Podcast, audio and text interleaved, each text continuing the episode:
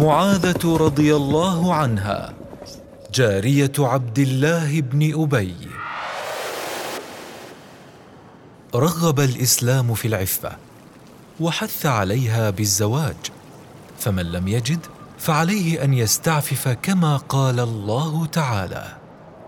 وليستعفف الذين لا يجدون نكاحا. حتى يغنيهم الله من فضله. ومن الاستعفاف الا يحرض المرء من يعول على الفاحشة.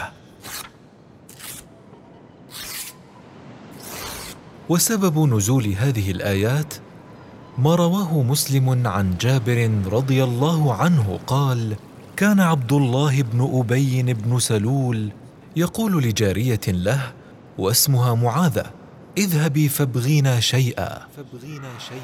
فأنزل الله عز وجل ولا تكرهوا فتياتكم. على البغاء إن أردنا تحصنا لتبتغوا عرض الحياة الدنيا. وعن أبي سعيد الخدري رضي الله عنه عن النبي صلى الله عليه وسلم قال ومن يستعفف يعفه الله. ومن يستغني يغنه الله. أعلام نزل فيهم قرآن.